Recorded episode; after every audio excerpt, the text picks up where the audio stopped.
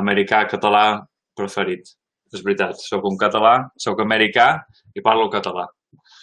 Tinc un convidat uh, molt especial avui, el Joan Cortada. Joan, com estàs? Hola, molt bé, molt content d'estar aquí. Gràcies. Vale. Joan, pots, pots explicar una mica d'on vens i com ets català, com te sents català i, i això?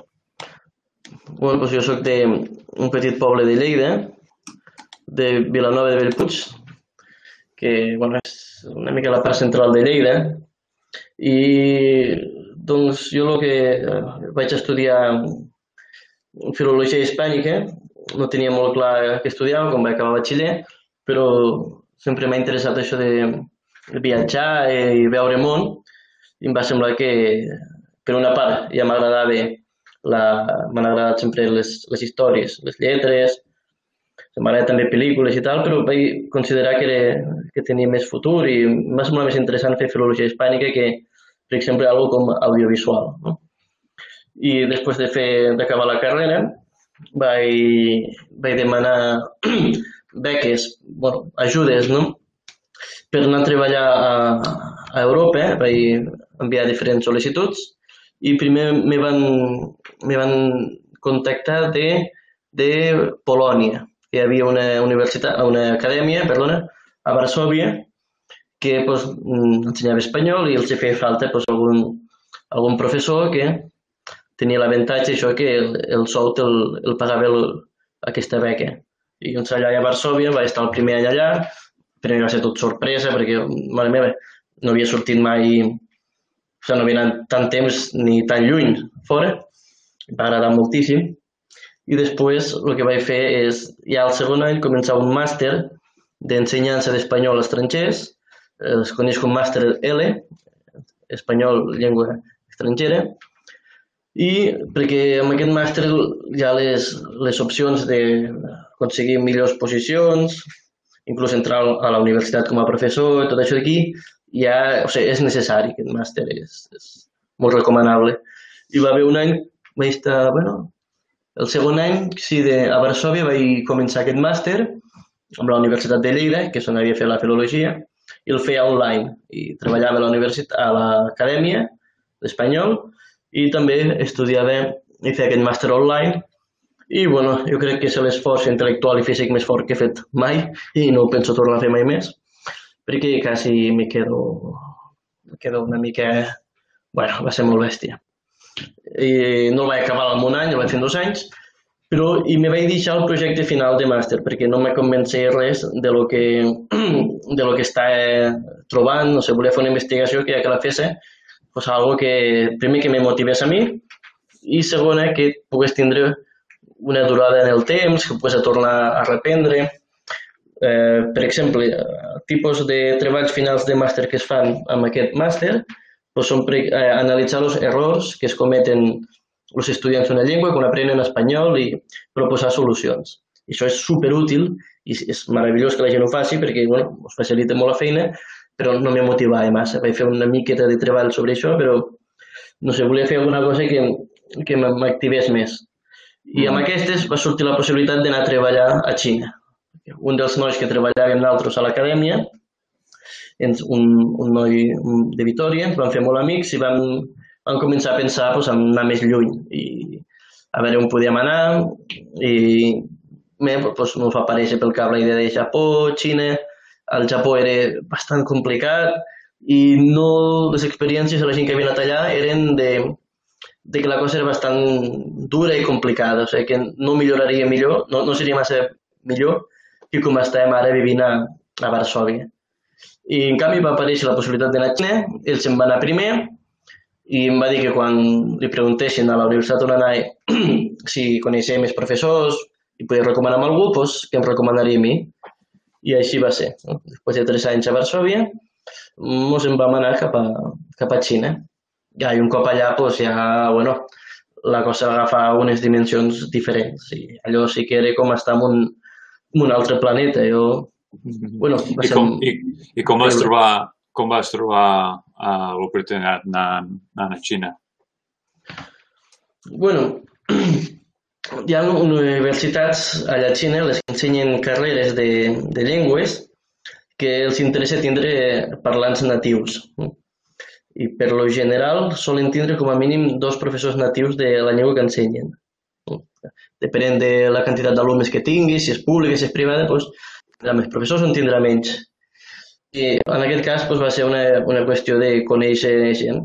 Aquest amic meu coneixia algú que treballava allà, que havia fet el màster amb ell, i doncs, lo va, recom lo va recomanar aquesta persona amb ell, i després em va recomanar a mi. I un cop ja estàs dintre de Xina, ja sí que és més fàcil de moure't per allà i anar, anar canviant d'universitats i tal. La primera universitat on vam anar pues, era, era bueno, és, és, és dubtós inclús que se pugui dir universitat a, a lo que era allò, però bueno, ens va servir com per tindre un, un xoc eh, amb el que seria a partir d'ara viure a Xina, perquè realment mm, res més que salvatge que allò no, no ho hem vist mai. I a partir d'allà doncs, vam anar... Vaig tindre sort perquè vaig, vaig trobar una altra oferta en una universitat mig bona d'una altra província. L'any següent, la universitat bona d'aquella província, que està a la mateixa ciutat, va tindre una plaça vacant i doncs, jo estava allà, em van fer l'entrevista, em van agafar. Llavors, el tercer any ja sí que estava treballant en una universitat de veritat, i al cap de dos anys ja vaig fer una altra entrevista per a aquesta universitat on estic ara de Pequín, que aquesta és molt, molt bona, és, és, realment és sorprendent lo, mm -hmm. tot el que tenen allà i estan ben organitzats, el nivell d'espanyol dels alumnes és sorprendent, és algo... Se mostren un interès i estan espavilats d'una forma que és super agradable treballar allà. És, quasi no sembla ni treballar, no? L'experiència et dona la possibilitat de fer classes i projectes i fer tots una sèrie de materials que són, a part de funcionals, entretinguts. I això és, això és una mica la clau de, no de l'èxit, però de que surtin les coses bastant bé quan estàs a, en un país com aquest tan diferent i pots introduir, presentar la llengua d'una forma tan dinàmica i, i agradable, però que al mateix temps, sobretot, respecti eh, els estàndards i el currículum que s'espera de, de tu. També va ser Xina i al segon any, quan vaig decidir que el treball final de màster, o tenia que tancar el màster, no, perquè ja sí que per anar a les universitats bones, bones, t'interessa tindre ja tot tancat, això. I vaig decidir fer un, un projecte final que fos un, un videojoc per practicar espanyol però que al mateix temps anés com evolucionant el nivell de dificultat i tot presentat d'una forma natural. I al mateix temps també dissenyar un, un, un manual amb activitats relacionades amb el videojoc. Interrelacionat, de fet, no? perquè tens, tens, pots disfrutar el joc sol sense el manual, però si vas seguint el manual vas trobant pistes i ajudes i informació complementària de la història que fa que l'experiència sigui més interessant. No? I el, el videojoc al començament tens que... Bueno, bàsicament es tracta d'un noi que està tancat en un pis i ha de sortir del, del pis.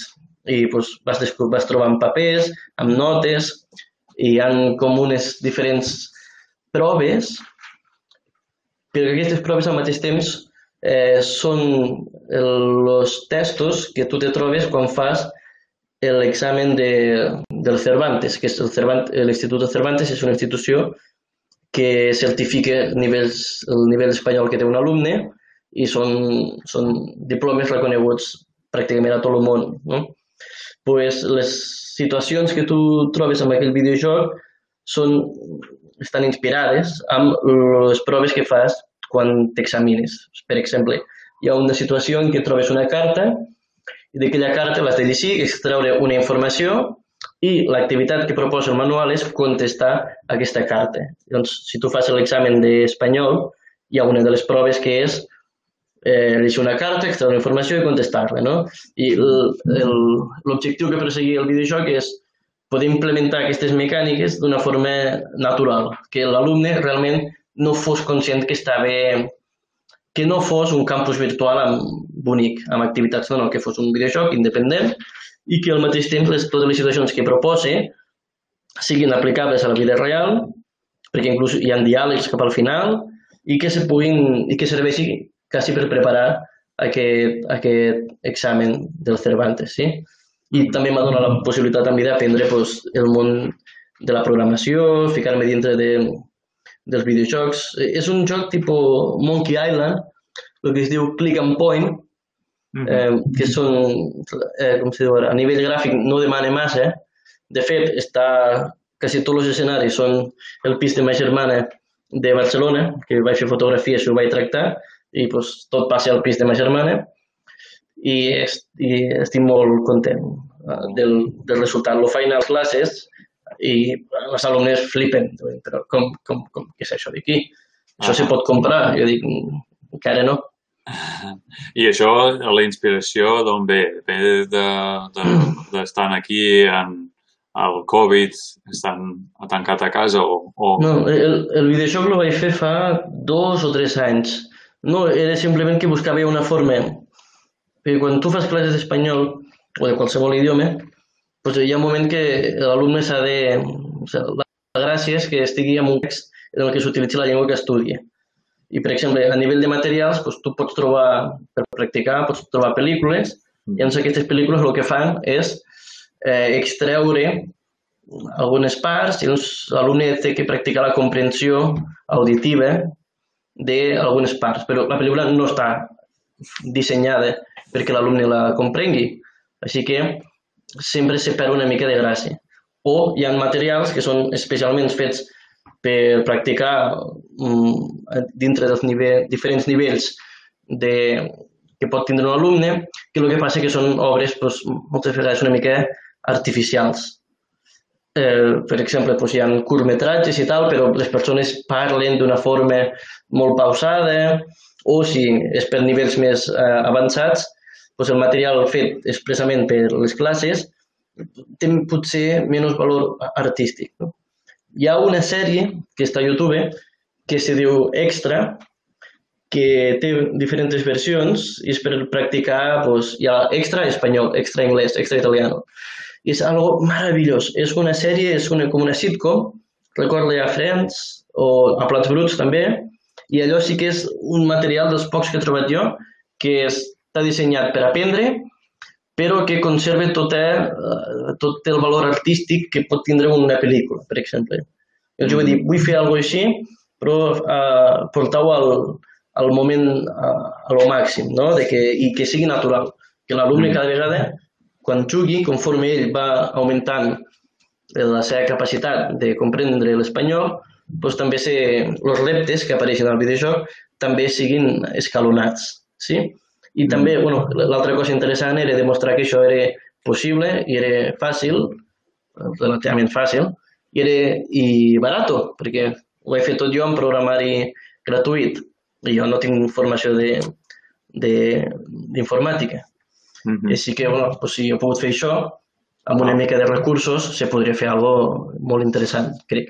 I el següent pas és ficar-me a fer un altre videojoc que segueixi les idees del primer en, en quant a, a presentar activitats eh, reals i que te, te pots trobar el dia a dia i que també vagi augmentant de dificultat, però feu estèticament més agradable i més accessible.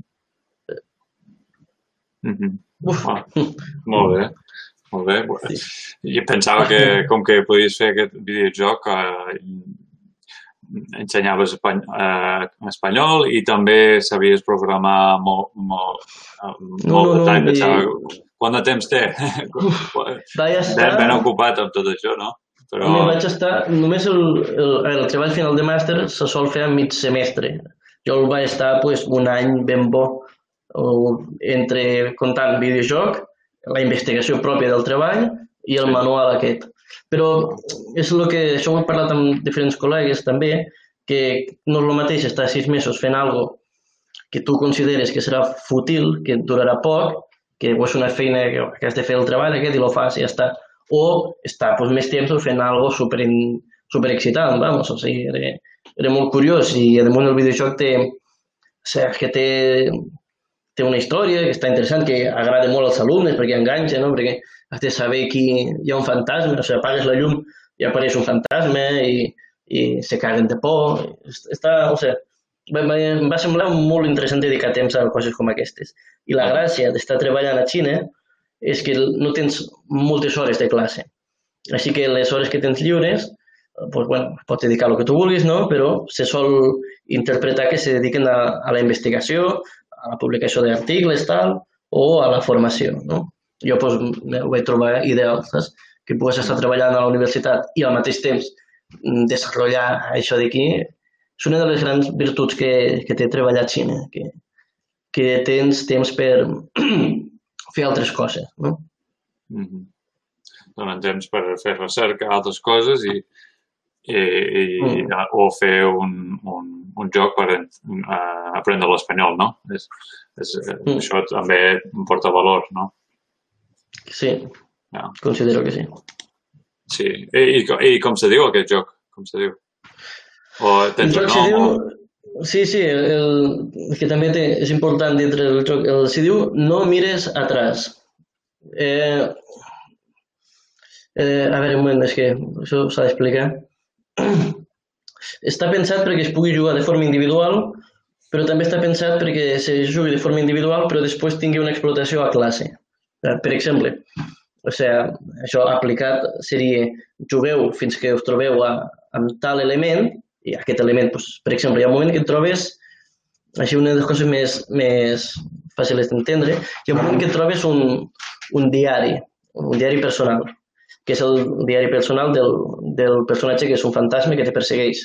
Doncs has de llegir aquest diari personal i uh, hi ha errors. O sigui, està escrit, hi ha, hi ha faltes ortogràfiques o, o s'utilitzen verbs. I aquestes, aquests errors són els errors que cometen els propis alumnes als seus textos i se justifica dintre de la temàtica del joc perquè el personatge aquest com va perdent una mica el cap per una cosa que passa i cada cop escriu una mica pitjor. Llavors, l'activitat, eh, una de les activitats que hi ha relacionades amb aquest diari és que te presentin a classe eh, proposicions de com corregirien ells aquestes faltes que apareixen, no? I al mateix temps també fer hipòtesis sobre què ha passat aquí, com ha anat l'assumpte, ja se pot explotar, no? I el títol, No mires atrás, eh, apareix al començament d'una forma idíl·lica. Se veu com... Mm, hi, ha un, hi ha una zona a Galícia que hi ha un banc que està ficat davant d'un penya-segat i, bueno, i té una, unes vistes molt boniques. Se coneix com el banco més bonito del món, no? I això apareix també el joc. Perquè un personatge és gallego, bueno, pues la imatge principal, eh, quan comences el joc és eh, un dibuix, o sigui, una, és una foto però tractada d'una forma perquè sembla un dibuix d'aquest banc. I apareix a la, la frase no mires atrás. No? I la primera situació que hi ha d'explotació del joc és preguntar als alumnes a veure què els, hi, què els evoca no mires atrás. No? I s'ajunta pues, la imatge aquesta, la música que apareix en aquell moment i sol sortir eh, reflexions del, del tipus que s'ha de tirar endavant, que s'han d'abandonar coses que han passat abans i han sigut negatives, i al principi sembla que vagi per aquí l'assumpte. Però més endavant hi ha un, un twist, no? el que és un giro, un gir, en el que el personatge està en un passadís i se troba una porta, això és dintre d'un malson, hi ha una porta amb aquest passadís i, a, i, al, i a la porta hi ha un, una nota i tu agafes el té i diu no mires atrás. I llavors sona una música de por i tens l'opció de mirar a darrere o no mirar a darrere. I depèn de lo que facis, doncs passarà una cosa o passarà una altra, no? I aquest moment és, és brutal, perquè si han estat seguint la història i, clar, arriba aquest moment i dius no, és una advertència literal de que, de que hi ha alguna cosa teu, no? O sigui, va, té aquest, té aquest tipus de, de guinyos i coses del joc que fa que sigui eh, molt interessant de seguir, no? perquè aquesta és l'altra. O sigui, has de, fer, has de fer un material que sigui interessant, que sigui excitant, que no sigui un, un, un, uns deures que has de fer a casa. No? Clar. Mm -hmm.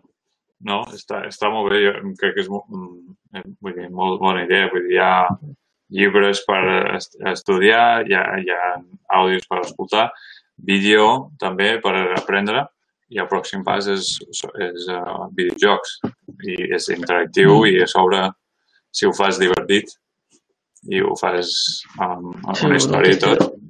Aquest, aquest seria el, la meva...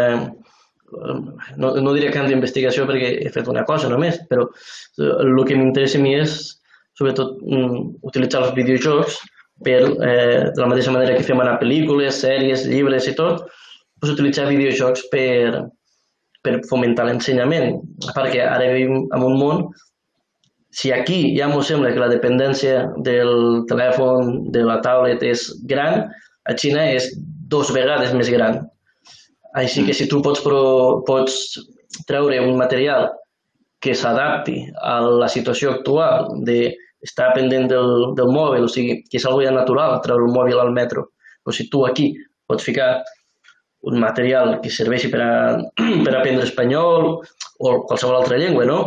Mm -hmm. doncs, bueno, és, és, no sé, és un mercat que està aquí i se li pot anar fent vistazos. No s'han fet coses similars de videojocs, però sempre donava la impressió que era una excusa per vendre unes activitats. O sigui, hi ha un, hi ha un, hi ha un altre videojoc que també estàs com en un món, món virtual, però que al món virtual el que fas és anar a classe i fer tarees que et dona el professor i dius, eh, m'has enganyat, això no és un videojoc, tio. Un, que, que, no jodes, saps? O, hi ha, després hi havia un altre, un, un senyor, saps el, aquesta aplicació que sona una cançó, atances el mòbil i et diu quina cançó és? Sí, això el és. Ah. Shazam o alguna així, no? Shazam o Google també ja ho fa. Mhm. la, la, la del Seixam, el desenvolupador, o un dels que es van ficar amb això, té també un videojoc que el feien a Hong Kong, amb acadèmies, i era pues, una, una cosa molt, molt curiosa, era com un món virtual en el que cada alumne tenia el seu avatar, havia l'avatar del professor i tenien que anar resolent situacions entre tots i una espècie de... Bueno, pues, eh, saps el que és el Room Escape? Sí, Pues, perquè tinguem una idea, aquell home el que va desenvolupar era unes situacions com aquestes, sí? I això és, això és interessant, perquè ja no és una excusa, no? és un, una, una entitat que per si sola ja funciona. i doncs quan, quan estarà mm, com, completa o aca- acabat el joc? Uh, El que vaig fer pel màster mm, lo, lo guardo i no, no tinc cap intenció de, de fer-la anar a un món més que, que fer el que jo a les classes i tal, perquè jo al final no era més que, una, que un, un material per al màster, que té autonomia i tal, però s'haurien de solucionar coses i s'hauria de, s'hauria de fer molta feina que no, que no sé fer perquè pogués estar disponible. Bueno, sí, ho podria, ho podria treure tal qual, però té errors i el, vull, lo vull per mi, això d'aquí. Llavors, el que tinc intenció de fer és fer-ne un altre, però, no sé, estem parlant de anys. O sigui, primer tinc que aprendre a, a fer anar el nou programari que, que vull fer anar, que se diu Unity. mm, El que vaig fer anar per l'altre joc és un que es diu Adventure Game Studio, que és gratuït, és relativament simple mm, i el Unity és algo molt més professional. Pues, ara, quan tingui temps, m'hi tornaré a ficar i sobretot quan estigui motivat, no? m'hi tornaré a ficar perquè això necessita molta, molt temps, molta energia i, i, i, i no és algo que, que vulgui començar i abandonar. Mm -hmm. Molt bé. Molt bé, doncs ja, ja, ens, ja ens ho diràs quan, quan estigui Sí. uh, disponible per... Uh, faràs una versió en, en català, poder, o bueno, en Pues, xin, vaig- xinès? Sí, no, bueno, tinc companys i, i un amic portuguès m'ha dit que el tio estaria encantat de, de traduir al portuguès i un, l'amic basco al basco, al català. Sí, això està bé. Després mm, te puc enviar el tràiler, perquè vaig fer un tràiler també del, del, que, he fet, del, del que he fet, del, del que tinc, el de no mires atrás, i a veure si, a veure si t'agrada. Un demo, vale. Sí. Encara podríem ficar-ho aquí en viu uh, mentre uh, fem una altra entrevista. Bueno, Vale. sí, te passaré el tràiler i si el vols ficar, doncs, encantat jo. Vale. Perfecte. Uh, tornant a, a quan estaves a Polònia, per canviar, Mhm. canviar una mica, eh, aquest era el, la, teva, la teva primera experiència fora de, de, de casa, no? O de, eh, com treballant o, o estudiant, més aviat que només visitant. Sí, com era no- l'impacte aquesta? Home, doncs no vaig fer Erasmus perquè me feia por anar a l'exterior, així que imagina com van canviar les coses, no? Mhm. Pues, bé, va ser molt guapo. Anar, hosti, el primer any a Varsovia va ser boníssim. Bon, vaig aconseguir ficar-me, el primer any vaig aconseguir viure en una residència d'estudiants mm, on hi havia pues, molts Erasmus i allí vaig fer amics que conservo encara, vaig conèixer gent de tot el món, va ser extremadament enriquidor i excitant i el meu anglès, bueno, va passar de... va, va existir, no? Perquè fins a, en aquell moment me pensava que parlava anglès, però em vaig donar compte que no. I, pues, bé, primera cosa, pues, anglès, després conèixer gent de tot el món, mm, bueno, jocs culturals, i Ah. això era a Varsovia, que Varsovia està a dues hores de, de, de Catalunya, saps? Però sí, sí, va ser realment, uf, la idea aquesta de passar un temps treballant o estudiant a fora és algo que és super recomanable. Hi ha països com, em sembla que és Alemanya, no sé si encara ho fan ara, que quan acaben d'estudiar, acaben de fer el, el que seria el batxiller, com que és algo natural que s'agafin un any sabàtic, aquest any sabàtic pot ser, per exemple, passar-se un any viatjant i treballant. O sigui, hi, ha un, hi ha un tipus de d'ajudes, al final deuen- ser ajudes, que te busquen allotjament, treballes i ja està. Eh, Vam conèixer un que va estar pues, a Latinoamèrica, a Latinoamèrica treballant, pues, no sé si en una granja, uns sis mesos, després no sé quant temps allà. Clar, aquesta gent torna a casa amb 20 anys que han fet el batxiller, eh, ells aprenen anglès doncs, molt bé o bastant bé al batxiller, sí que poden ser totalment autònoms, i tornen i comencen a la universitat havent vist com és el món més enllà de on ha estat vivint ara. I, home, això és, és, és una... és una que realment, ostres, s'hauria de fomentar, la veritat, eh? No, no estic dient un any de, de, de cachondeo, també cachondeo, no? Però, però no sé, és que la idea de, de veure que hi ha gent molt diferent a tu o gent molt semblant a tu, però que viu molt lluny i dius, ostres, que curiós que aquest polaco i jo tinguem tantes empaties, no? Com és possible? O aquest tio de uh, Kazajistan, com és possible que ens interessi coses similars, no? Sí que, sí, sí, tot el meu suport a tindre una part de la teva vida a l'estranger, no? Clar, també val- valores molt el que tens després aquí. Una cosa va lligada a l'altra, també. Ja, ja. Quin, quina experiència t'ha agradat més mm, marxant de, de, de casa? Home, a mi m'agrada molt, ho he descobert que m'agrada conèixer gent, de, gent diferent. I he vist que tinc un caràcter bastant sociable i pues, tinc la sort que se veu que caic bastant bé i més fàcil de conèixer gent quan, quan estic a fora i és algo super, super interessant estar a Varsovia i sortir a fer un veure amb, amb algú de, pues, que, te- el que he dit abans, saps? O inclús sortir a fer un veure amb algú de Madrid i dius, ostres, que jo amb la gent de Madrid he, he tingut una, una connexió, una i- terrible. És algo que m'ha sorprès perquè tot, tota la gent de Madrid que he conegut han sigut gent que podria viure al meu poble i mos, mos hem entès molt bé. També és veritat que és una, una visió una mica sesgada la que et dona d'anar a l'exterior, perquè la gent que fa aquestes coses doncs, sol ser gent una mica més valenta i més oberta de ment, saps? I clar, és relativament normal que la gent que porta temps vivint a fora sigui gent amb la que tingui simpatia perquè el que us ha portat a anar fora és similar a tots, no?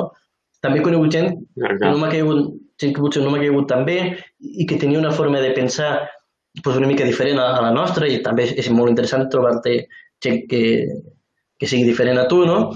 I sí, pues, ja, aquest tipus de gent igual no li agrada tant això d'estar en, en contextos tan diferents als, als que són més familiars per amb ells, no? Pues una de les coses que més m'ha agradat és això d'aquí, l'oportunitat de, de, de conèixer gent diferent i, fer amistats i parlar de música i veure que a tots ens agrada Iron Maiden, i onda, que curiós, no? I, de, i, i. Després també hi ha la situació de que a tothom li agrada Star Wars, però bueno, això d'aquí és que que a tothom li agrada Star Wars, no, no hi ha una connexió especial Ja. entre tu i aquesta persona perquè us agrada Star Wars, no? Clar, el normal que t'agradi Star Wars, no? Però sí, és, és, i després també m'agrada molt menjar i provar menjars nous i, bueno, Dios, a, a Xina me n'estic fent un far de menjar coses noves i no me'n cansaré mai. I a Polònia també, bueno, tenen uns plats que te tornes loco. Sí, per exemple. Pues hi ha, un, hi ha una cosa que és super mm, simple, però que tenen tots aquests països com ara Polònia, a, a, Alemanya també ho té, eh, Txec, República Txeca, que és pollastre empanat, que també ho fem nosaltres, no? Però em va semblar curiós que algo tan simple, pues allà tu poguessis menjar amb patates o amb un tipus de col fermentada que tenen i, ostres, que curiós això, no? Eh, A Polònia, després també tenen embotits, però ells els fan fumats, és curiós, tenen moltes cerveses, algunes són de baixa graduació, que, o sigui, que te les pots veure mentre eh, dines i no, no te caus estès. I, bueno, si parlem de menjar, doncs Àsia és el, el campió, no? Perquè també tenen un munt de coses que són, eh, que són com a molt simples i que a mi me sorprèn que no ho tinguem aquí. O sigui, per exemple, hi ha un tipus de... hi ha una forma de... uns plats de menjar que són... ells tenen una, una sopa ja preparada i pues, tu el que fas és tries el tipus de, de pasta que vols, de fideus, la fiques a bullir amb aquella sopa, bueno, ni bullir, perquè em sembla que no està bullint del tot allò. Pues ho fiquen allí, 5 minuts, pam, tens uns noodles collonuts. I pues, t'hi poden ficar una mica de carn, una mica de no sé què, i dius, ostres, una cosa tan simple, com és que nosaltres no tenim tetabrics amb aquesta sopa i que en 5 minuts estiguis ja ho tinguis preparat, no? O sigui, a mi m'agrada coses d'aquestes. És un Com? tipus so, sopa, és tipus sopa amb, amb soja, soja i... No, No, noodles? pot ser un, un brou. Quan dic sopa, penso més aviat en, en un Ah, brou, broth, saps? broth, Un brou de, de Ahà. pollastre o de verdures. I després també, Mhm. potser el que em va tornar, el que em va petar més la ment, en tema de menjar a Xina, és un... Hi ha un tipus de plat que se diu malatang, es diu així, i tu vas al restaurant i tenen com unes vitrines, com si fossin estanteries, i allà pues, tenen pues, diferents verdures. Tenen espinacs, tenen enciam, tenen no sé què, i després també tenen bolets i també tenen carn, carn mig cuinada, no? com si fossin pitjos de pollastre o boletes de tofu o no sé què, i tu vas allà amb, una, amb, una, amb un canasto i t'agafes el que te vols menjar. Li dones a, a la persona que treballa allà, tu fiques amb aquesta sopa primigènia, te diu si ho vols picant, si no ho vols picant, tu fiques allà 4 minuts, tu treu, t'hi fiques pues, una mica de filantro, saps què és filantro? Cilantro? Per exemple, sí, no sé com se diu en català en anglès. Bueno, com si fos una espècie de julivert, d'acord? Mm. -hmm. Te fique allò per sobre, no sé què, i no res, en 5 minuts tens un plat que està superbo i pots demanar-ho amb fideus, o sigui que t'estàs menjant tot el que t'has demanat abans, amb aquell brou, eh, damunt aquest tipus de, mi- de plat malatang se pot acompanyar amb una salsa de, de cacauets, bueno, no sé, si ets algú que t'agrada menjar, a, als peixos asiàtics te, te pots tornar, bueno, és un paradís i, i absurdament barato, eh? Absurd euros i, o 3 euros i te pots suïcidar menjant, si vols. I, És- i com, se, com se diuen aquests dos plats eh, que, que has explicat ara? És, eh, més atrapat és malatang. Te puc, t'ho escriuré després te ficaré els caràcters xinesos també per, si vols. Vale. Aquest és un... Després hi ha un que es diu hot pot, Ah, el hot pot, Sí. no sé, aquest és una mica més internacional, potser que és bàsicament una olla, un brou també, i van ficant coses a dins. sí, aquest no sona. Sí, aquest és per anar a menjar amb, amb cuidat, perquè és així, és una cosa que fas amb més gent. Mhm. Passa que hi ha províncies que, que lo fan extremadament picant. Es pot fer anar per desfer medall, si vols, és algo absurdo. Sí, sí, jo no, no havia preguntat per què collons pica tant això. Ah, és un clima, és un clima húmid, no? I ha una humitat i, i has de suar perquè dic, "Ai, jo no, jo no sé, o sea, a què, a què m'enfrento? no? Si no menjo tan picant, quin tipus de mort tindré? Perquè igual prefereixo l'altre que, que, que morir-me. Sí, sí, sí, hi ha, hi ha llocs que el, el picant que m'ho sembla que el picant de Mèxic és exagerat. Bueno, hi ha parts, hi ha una província xinesa que és, va estar un parell d'anys o tres, que es diu Hunan, que allà eh, fan, no sé, és, a veure qui, quin restaurant pot tindre el menjar més picant. És algo que jo no, no, no me sobrepassa. A mi m'agrada a el picant, però encara... Bé, no, no sé si tan picant, tan picant. No, jo pensava que m'agradava el picant abans d'anar allà. I pensava que jo menjava picant. I és que no, que no, està enganyat totalment, que no. Sí, sí. Sí, a, a nivell culinari jo és que porto pues, 4 o 5 anys a Xina i continuo sorprenent coses de, de ostres, que poc està això. I veig I aquests menjars, i i aquests menjars no, no els has trobat a Catalunya, a, a, ni a Barcelona ni a altres llocs per... Bueno, si algú, li, si algú vol provar menjar xinès bast... bueno, real, a, Xin, a, Xina, a, Barcelona hi ha un restaurant que sí que és, fran- és xinès de veritat. És que ningú s'esperi una decoració eh, no hi ha dragons per les parets ni res així, no? O sigui, inclús podria semblar una mica cutre, però és que, bueno, quan tu vas a menjar per dos euros, és això, no?, el que te trobes. Sí, I, i allí és un lloc, és que no sé el nom, però hi ha un, he trobat un que, que francament, sí, sí, allà és menjar molt semblant al d'allà. I bueno, uns platerals, uns fideus, unes coses que són com allà. N'hi ha un altre que no me'n recordo tampoc del nom, però aquell t'ho presenta tot com d'una forma molt, molt guai, molt estètica i Mm. molt cara. O sigui, eh, he menjat coses allí 10 vegades més, més cares que o sigui, menjar que a Xina és lo, lo, lo baix, o sigui que no és gratuït però quasi, allà, pues, clar, t'ho fiquen una mica més bonic i com que és exòtic i tal, pues, t'ho carreguen molt, no? Sí, sí, se poden fer tipus de menjars. Pues, està el tema del sushi, que també és algo que no és exclusiu del Japó, ni, ni molt menys. I se pot preparar amb car també i, i que també és una fantasia. Mm -hmm. Bueno. veure si, si te'n recordes del, dels noms d'aquests restaurants, o em passes el Després te- link, perquè així ho fico, faré. Encara aniré jo Sí. quan, quan torne. Home, el, val la pena, val la pena anar amb aquesta és la veritat. El car també val la pena anar perquè és guai, no? I l'altre val la pena anar el cutre perquè és, és així. I, inclús si pot, si pot anar no com d'un dia, no? sinó que si pots mitjar per 3 euros i tal, doncs no, no, està a la com per un any, no? Mm, Ja et diré els noms. vale. Molt bé. I, i doncs ara, ara uh, bueno, has explicat que has, has fet aquest màster i has fet aquest projecte amb el Mhm. videojoc, um, has estat a Xina, ara ara on estàs i, i, i quin part de la teva història estàs? Mm, vale. Bueno, ah, Per, no, dir, per, a veure si podem fer-ho més complicat, no? No, sí, sí, a més bastant curiós. Bueno, doncs nosaltres, a veure, una altra cosa de les bones que té treballar com a professor a la universitat, perquè els col·legis, bueno, depèn del tipus de col·legi, però a la universitat allà les vacances són, són molt llargues, d'acord? I tenim vacances d'estiu i vacances d'hivern, i inclús hi ha pel mig ponts i, i també hi ha altre... i tens molt temps per poder viatjar i tal.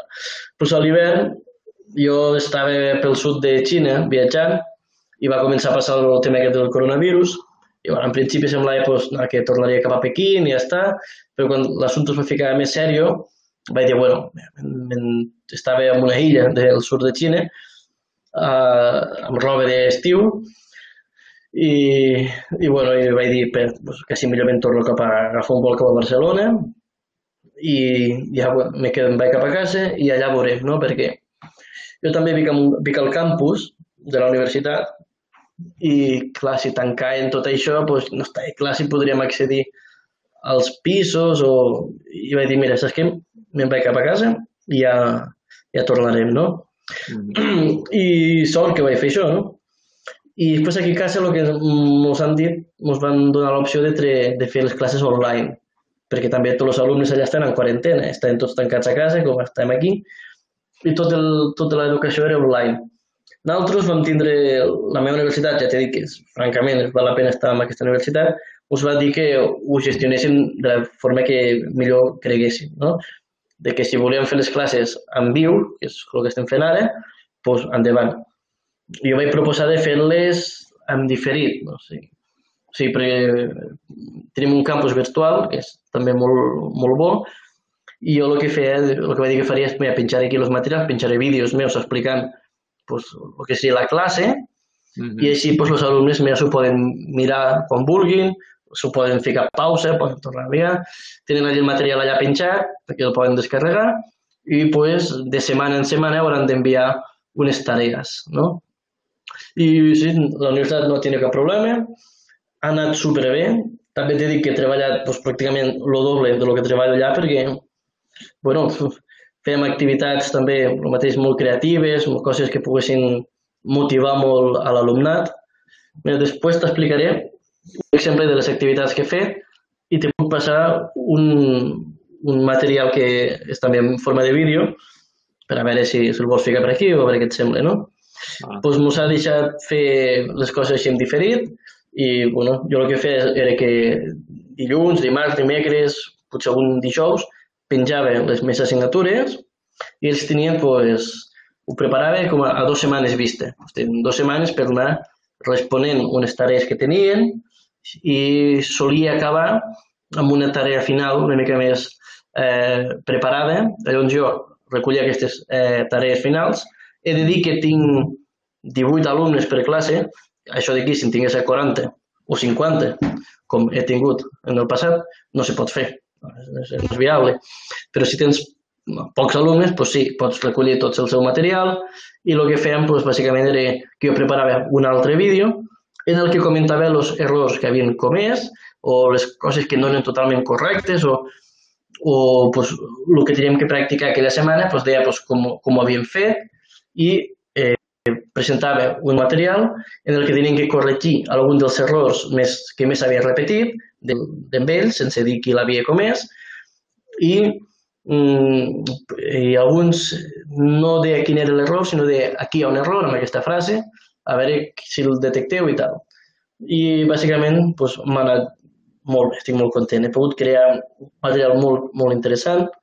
T'explico ara alguna de lo que he anat fent perquè veguis quin és perquè a vegades la gent no té clar com és això d'ensenyar espanyol allà, què és exactament el que fas, no? Mm. pues nosaltres ens assignen eh, de les habilitats de, de, de lectura, escritura, eh, oïda i, par i speaking, parlar, pues, si, el que fem els natius, pues els natius és sobretot ens ocupem de classes específiques d'això. Per exemple, a tercer, al tercer any pots tindre oral 3, o lectura 3 o escritura 3.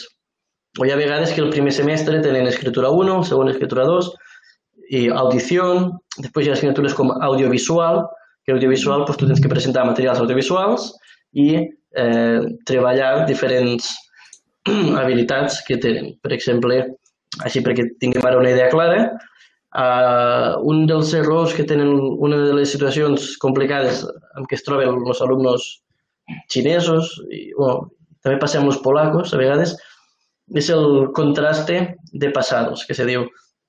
I això també, a català, i castellà, les llengües romàniques tenen bastants temps verbals, l'anglès també en té, el past simple, el, el present perfect, tots aquests d'aquí, i en canvi hi ha altres llengües com el, el polonès o el xinès que resolen aquesta situació d'una forma diferent. Per exemple, si per marcar si una activitat en el passat en xinès eh, era, eh, era un moment concret o era algo que se prolongava en el temps, ells simplement fiquen un prefixe, bueno, una de les situacions, una de les formes de solucionar això, per la seva llengua és ficar un prefixe o una paraula i ja està. Això en, en català o en castellà seria, en castellà, seria, per exemple, año pasado viajé a Tailandia. La idea és que és una activitat que vas fer una vegada singular. si tu dius año pasado o viajava a Tailàndia, pues allò ja se tracta d'una activitat que se repeteix. També pots dir, jo he viajado a Tailàndia. Doncs ja no és tan important el marcador temporal, el moment en el que ho vas fer, sinó és una cosa que tu has fet. Pues això que nosaltres ho tenim interioritzat, hi ha altres llengües, com el xinès, que no ho veu clar. Ell, el xinès, sobretot quan comença a estudiar, no veu clar si jo si ha de dir jo viajava a Tailàndia o viajé a Tailàndia, no? Vale, pues això és el contraste de passades, que és algo que se treballa sobretot a partir del segon any, perquè és quan ells comencen a aprendre els diferents temps verbals i bueno, els explota el cap, que, que, que fa tanta cosa aquí, no? Nosaltres ens sembla que el xinès és molt difícil i té dificultats a l'hora de la pronunciació i l'escriptura, però soluciona coses com aquesta d'una forma molt més simple i que en canvi les nostres llengües eh, doncs la solució que ha trobat és molt complicada. No? Mm. Doncs què fèiem? Per, per practicar això, doncs, una de les activitats que, que van tindre que fer és explicar com era la seva vida abans del, del coronavirus, ¿no? Y allí es cuando, pues yo antes viajaba a tal, o antes salía con mis amigos, uh -huh. o una vez fui a, pues, i la forma, l'excusa perquè això se practiqui, era que jo feia un vídeo primer en el que explicava com era la meva vida ara i com era abans. I llavors ells tenien que fer el mateix. Doncs el meu vídeo s'acompanyava d'unes explicacions gramaticals, eh, un, un material d'un llibre que fem anar en el que se recordava els diferents usos i ell el que tenia que fer era enviar-me a mi un àudio o jo intentava que fos un vídeo també editat d'ells explicant. I eh, hem vist que se motiven molt amb aquest tipus d'activitats i bueno, hem rebut pues, vídeos super interessants, super treballats d'en de, ells explicant com era la seva vida abans, com era ara i són francament activitats molt fàcils de, de fer perquè no és sentar-te i anar rellenant huecos, no? És algo que pot necessitar més temps ho vol fer bé, però també donar l'opció de simplement fer un àudio i a córrer, no? I una altra situació com aquesta era per, per la idea de fer hipòtesis, com, que també és una cosa que se treballa perquè es necessita l'ús del subjuntiu, que també és un dels mal de caps en què es troben els alumnes quan estudien espanyol, doncs tenien que donar la seva opinió sobre un assassinat. I aquesta és l'activitat que ha tingut més èxit, de lluny, perquè durant el confinament hi ha hagut un, un il·lustrador que, que per Twitter ha mm, preparat activitats a partir de dibuixos que feia ell, on hi havia un assassinat, hi havia pistes, i ells el que tenien que fer era o sigui, els seguidors d'en Vell pues, tenien que dir, jo crec que l'assassí és aquest per això, per això. Llavors això d'aquí, jo vaig dir, ostres, això ho podria jo portar a, a les meves classes també. Jo el que feia era preparar trailers a partir de les activitats que havia preparat aquest il·lustrador, sempre ficant que, que no era material meu, sinó que era un d'aquest altre autor i que podien seguir el, tot, tota la seva feina, si volien, a través de, de la seva compte i jo preparava trailers, preparava també les pistes d'una forma que fossin així molt... que fos com una activitat lúdica. I ells tenien que enviar-me un vídeo en el que feien veure que eren eh, eh, investigadors i utilitzant el material eh, que es fa anar per fer suposicions, doncs dir quin, donar-me la seva hipòtesi. No? I aquí, doncs, amb aquestes activitats, aconsegueixes treballar eh, pues, el que sigui en aquell moment que és, és necessari, com l'ús del subjuntiu per fer hipòtesis, subjuntiu o indicatiu, perquè, per fer hipòtesis, però d'una forma super creativa i, i que ha, ha agradat molt. També te passaré una mica de un dels trailers que vaig fer per fer aquesta activitat, perquè sí, sí, ha, ha tingut molt bona rebuda. Així que... M'agrada molt, molt les diferents uh, maneres que estàs pensant com ensenyar.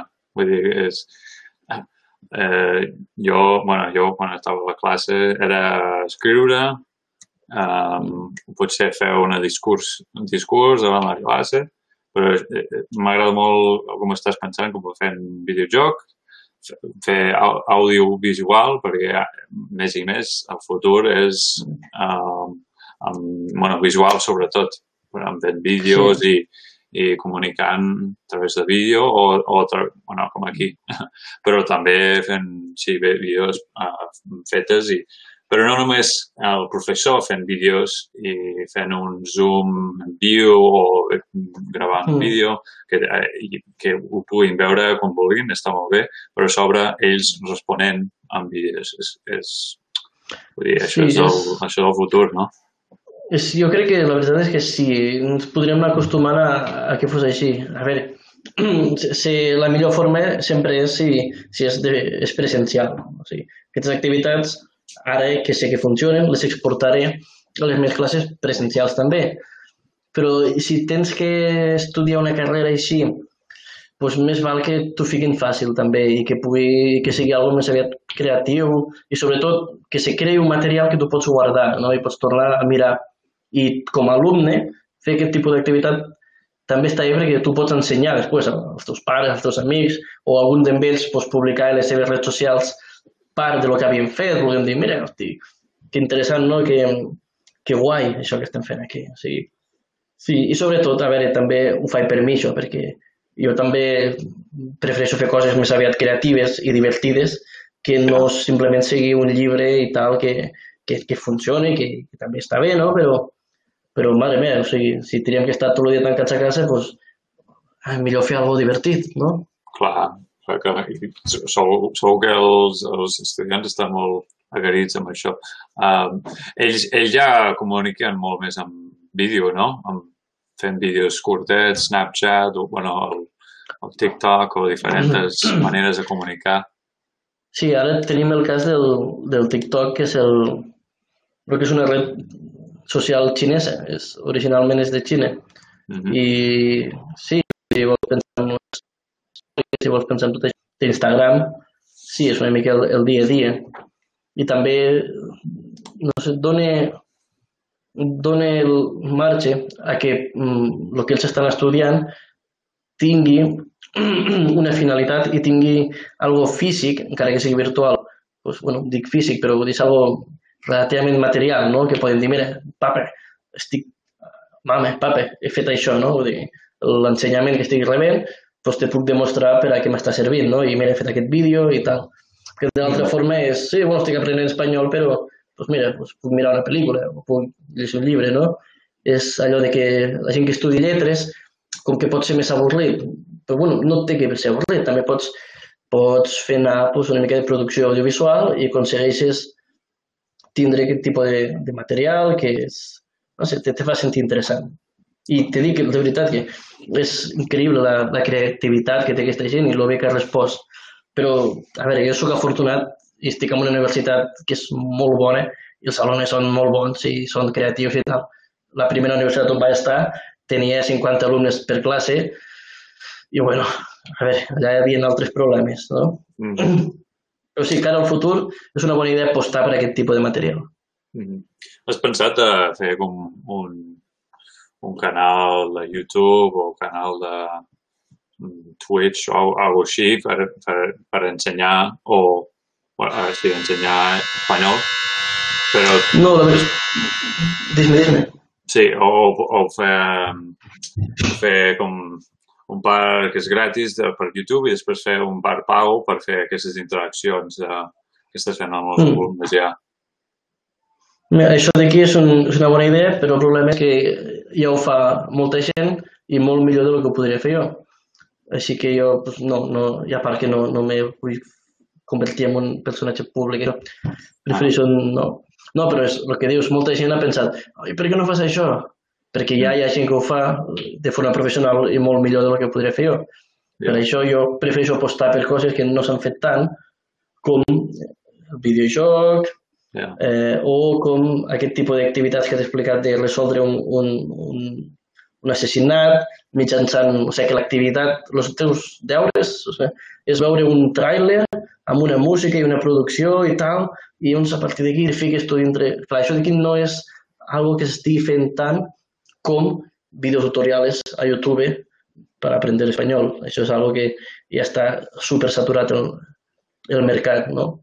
Això ho pots Sí. fer si ets molt bo i ets part d'una empresa que es dediqui a aquestes coses. Tu individualment, bueno, sí, te, te serveix per donar-te publicitat, publicitat tu mateix i llavors aconseguir alumnes de forma privada, però bueno, jo afortunadament a nivell econòmic no necessito complementar-me, així que prefereixo, no sé, fer altres coses. Ja, no, no, cadascú ho seu, però ja em pregunto perquè ja segur que hi ha, però sempre cadascú té la teva mm, context, no sé.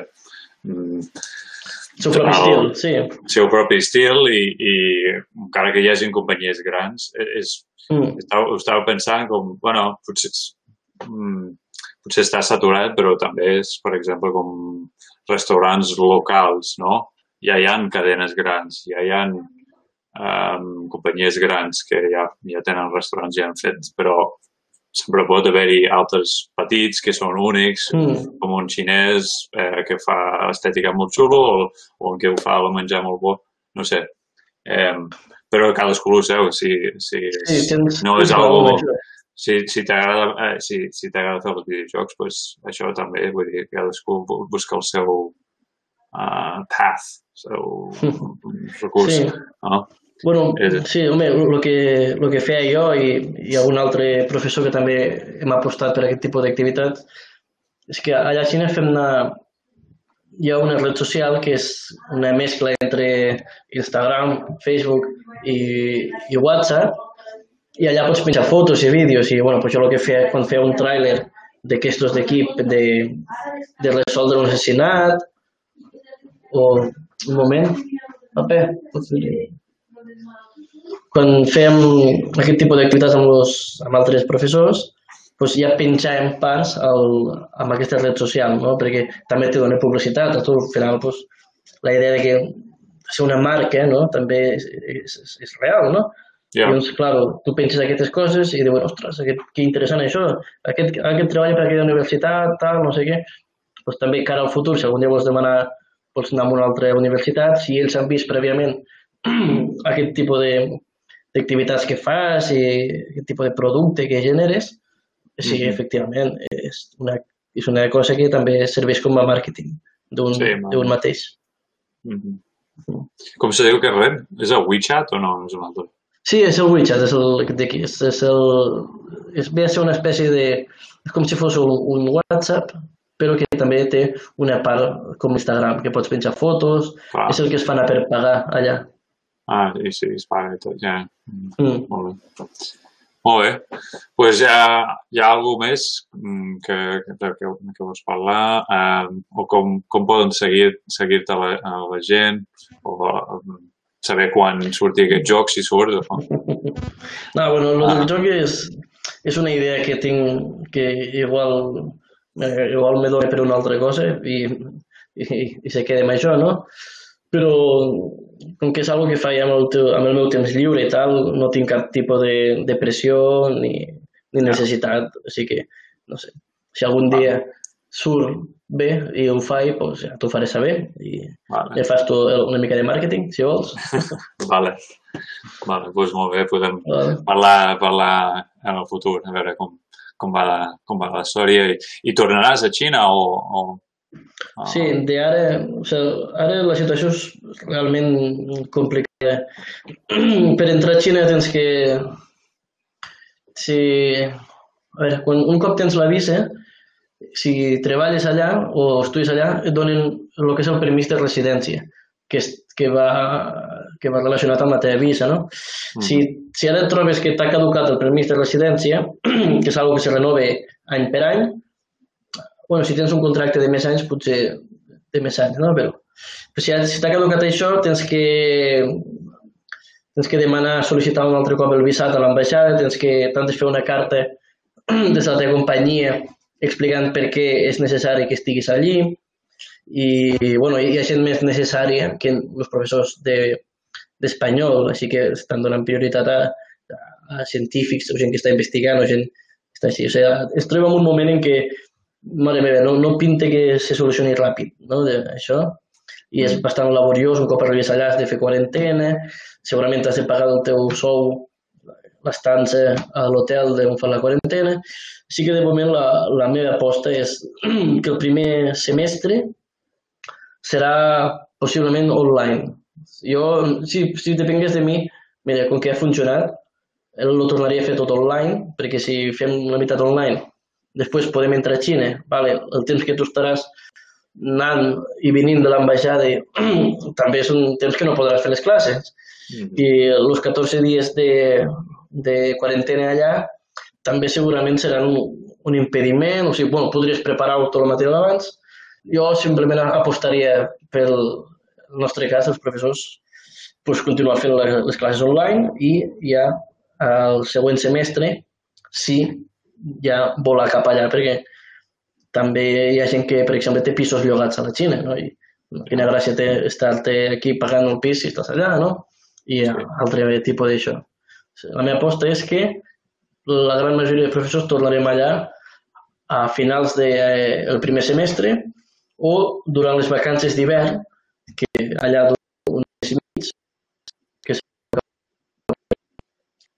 esperem que s'acabi. Sí, esperem que acabi aviat i, i tornem a una mica de normalitat, però uh, aquest canvis uh, han sortit noves tècniques d'ensenyament i, i com comunicar i crec que algo positiu mm. també surt de, surt de els, els casos que coses que passen. Vale, pues Joan, moltes gràcies per estar aquí. Mm, a tu per convidar-me. Vale. Ja, ja, aniré, ja seguirem parlant i, i m'agradaria saber molt d'aquesta menjada xina a, a, que està a Barcelona. Vale. Jo t'enviaré uh, tots aquests noms. Vale. Això, això ha estat un altre episodi de Fora de Catalunya. Família